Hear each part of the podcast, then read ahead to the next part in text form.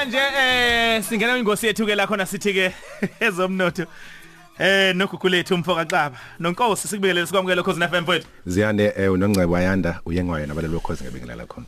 Eh nonkosi sizongena sibheke e- ezomnotho siphinde siphose neso em ekuthenini yini bese ibuka ngesonto eledlule. Kodwa nazi indaba e- ezivele emaphepheni kuleli sonto. Eh usozigidi. eh upet- uPatrice Mutsipe uthi uzosungula lokakubize ngeagricultural fund yokulekelela abalimi. Eh ikakhulu abalimi bebaleli iminyama ukuthi bakwazi ukuthi eh ba- ba- ba- bathole insiza ezifanele ukuthi bangene babe yiloko kuthiwa ama commercial farmers. Hayi laba abenzela ukuthi kube khona into ezodliwa kodwa laba bafuna bangene nemikhiqizo yabe ema supermarket bakhiqize bathumele nasemazweni angaphandle. Kunjalo asiku- asikhumbule kokuqala ukuthi ngesikhathi kunomcimbi lo obizwa ngokuthi i-global eh ngicabanga ukuthi lo wawuhambisana nomnumzane Mandela owalapha eFNB la khona khona uBeyonce zokukhumbula waqala lapho umnumzane Tsipe ukuthi amemezela ukuthi kuzoba khona into efana naleyo. Kule ngxoxo noma le nkulumo yakhe kade ekhuluma eh kuyo eh kwiAfasa ebegcizelela lokhu. Ngicabanga ukuthi sekuse mom ukuthi lokhu kwenzeka noma kanjani ukuthi kulontshwe le fund eh elonjwa uye usozigidi lomvoka Motsipe engifisa ukuthi sidlule kupho nje kancane imizuzwana la ukuthi ubumqoka bemboni noma bo bomnotho wezolimo kubaleke ukudlula noma yiphi into ngokwami lapha eningizimu Afrika. Mani- ngoba sikhuluma ngokubuyisela komhlaba nje nomhlaba osukade wabuyiselwa. Abantu abaningi noncebo banomhlaba nje ohlezi kodwa ongenzi lutho okushoyo ukuthi inkinga inkulu ekuthenini babe khona kube khona insiza ehambisana kakhulu azinemali kubasiza okugcina asikuvume futhi sisho ukuthi eh kukhona fanele sixoxe la ukulungisa isimo eh nohulumeni wethu ngoba ikakhulukazi tjatha ningi ningi imali ezibuyele emuva kuhulumeni zingasetshenziswa singasetshenziswa yebo ngelinye ilanga soke sihlale kulolu hlelo sibuke yonke iminyango kahulumeni ebuyisela hundreds of millions of rands. Nakuwo lo mnyango wa agriculture ingasetshenziswanga imali eh ngenxa yokuthi kuthiwa akwazekanga ukuthi imali isetshenziswe. So lokho kwenziwa yeah. umnumzane uTsipe kufaka hambisane nemali ekhona vele ukusiza nokuthuthukisa abantu bakithi kuyo lemboni yezomnotho kwezolimo.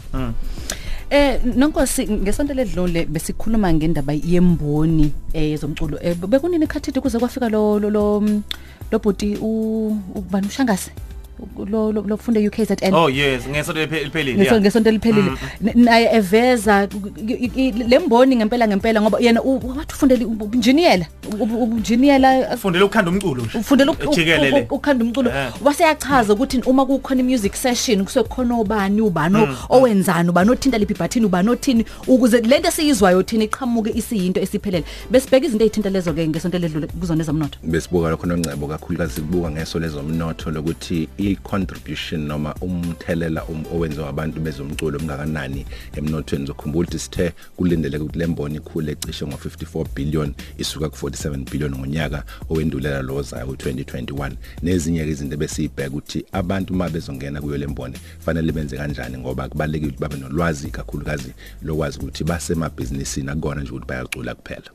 Nonkosi eh, sike sabona kade sibhekana nemali esesetshenzisiwe ukuthi kubuyiselwe abantu bak- basemazweni angaphandle. Babuyiselwe emakubo.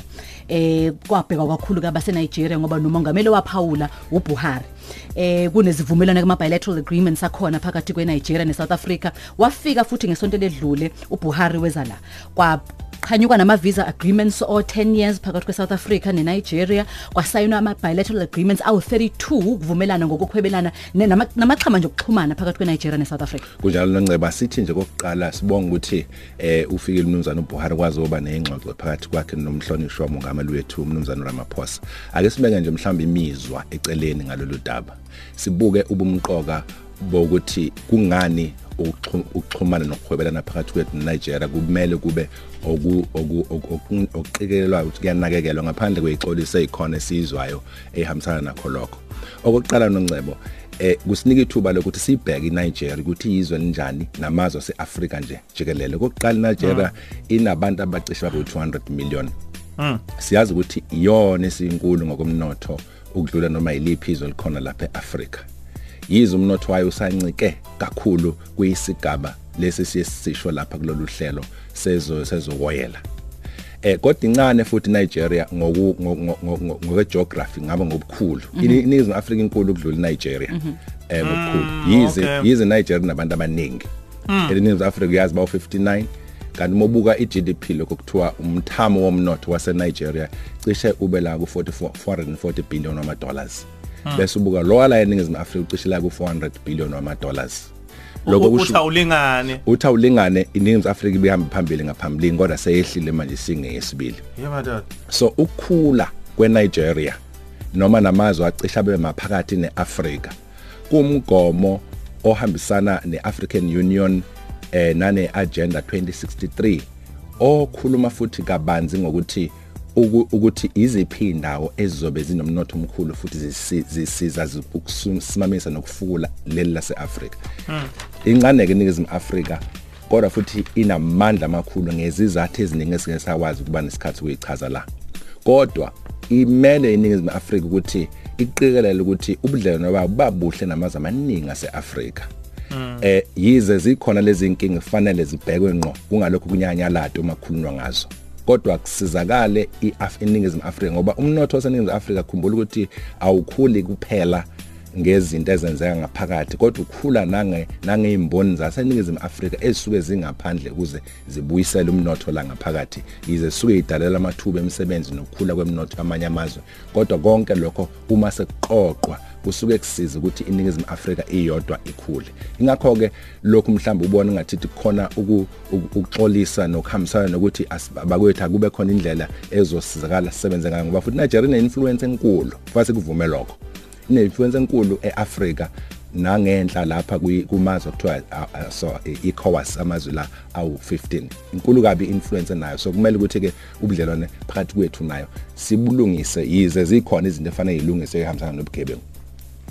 Nonkosi uma sibheka la eh uma uthi abantu base Nigeria baningi eh compared to South Africa kodwa iNigeria yona ibe incane neningizimu Africa lapho ke vele veza amathuba ngoba phela ngeke babe nakho konke abakudingayo. Nathi ngeke sibe nakho konke sikudingayo amathuba maningi kuphi ezintweni singahwebelana ngazo nezinto kuyizona ezizodala inzuzo kithina sobabili njengamazwe uzokhumbula ukuthi enye inkampani inkulukazi eyise Nigeria iyo le yala kithi ekuthiwa iMTN eh kodwa uma ubheka eh uku ilokho ekubizwa ukuthiwa ibalance of trade ukuthi ukuhwebelana phakathi kwethu neNigeria ngobani abahweba kakhulu ukudlula abanye? Okwamanje iNigeria esazuza kuphela ngengxenye eyodwa kakhulu yomnotho owuwoyela amazwe umuzo uqhathanisa ukuthi imalini thina siyikhokhela eNigeria sikhokhela imali eningi eNigeria ngenxa ukuthi sithenga uwoyela kuyona.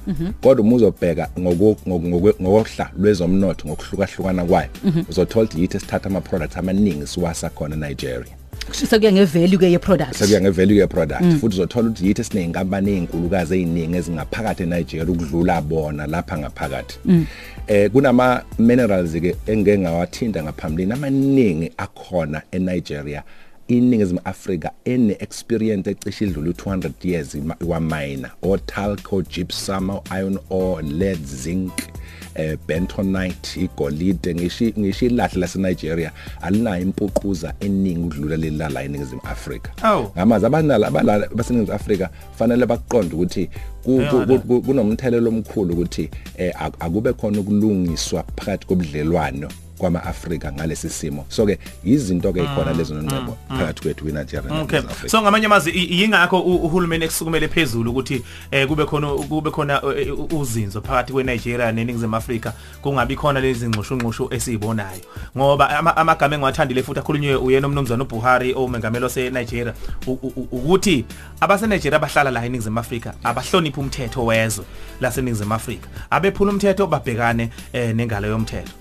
Eh njengoba sibonile manje ethi sifunda nje la sikhuluma ngendaba ethinta igide ethize zamarandi sibona ababuyiselwe emuva. Okuthiwa abaningi ababuyiselwe emuva vele abakhona eNigeria abahleli ngokungemthetho la. Okusho khona ukuthi mikhulu imizamo eyenziwayo uhulumeni ukuthi uzinzo lube khona. Ziyani uhlaba esikhonkoseni mfowethu ngoba ngiyakujabulela futhi bakukhulumile ukuthi akube khona lokho ukuthi kungaphulwa umthetho. Aqinisweke lapho bese kuthi igila mkhuba ihambe engaphinde ibuye. Nezala eNingizimu Afrika umazi ingale zigila imkhuba khona. ayibuyiswe ayibuyiswe. Zingahlali ngalo ukuze ziyokona ubudlelwane phakathi kwethu njengamazwe yaseAfrika kunjalo mfethu siyabonga kakhulu eh nonkosi asiphethe eh siya mhla 16 16 17 ngicabanga eh em ku ku- inkonfa yethu amandla omnotho izobe ikhona. Abantu bangaya nje ku amandlaomnotho.co.za so bese ibemezela kahle kumaviki azayo eh tjata 08222 52217 inombolo ye WhatsApp leyo. Okay mfethu bonga kakhulu. Ngiyathokoza. Alright, eh insizwa ke le unonkosi eh umfoka xaba empeleni besikhuluma naye ngalesikhathi eh, esiba naye ke njalo uma ngabe kuyilengosi eh ugugulethu umfoka xaba lapha kwelakithi kwaNongoma.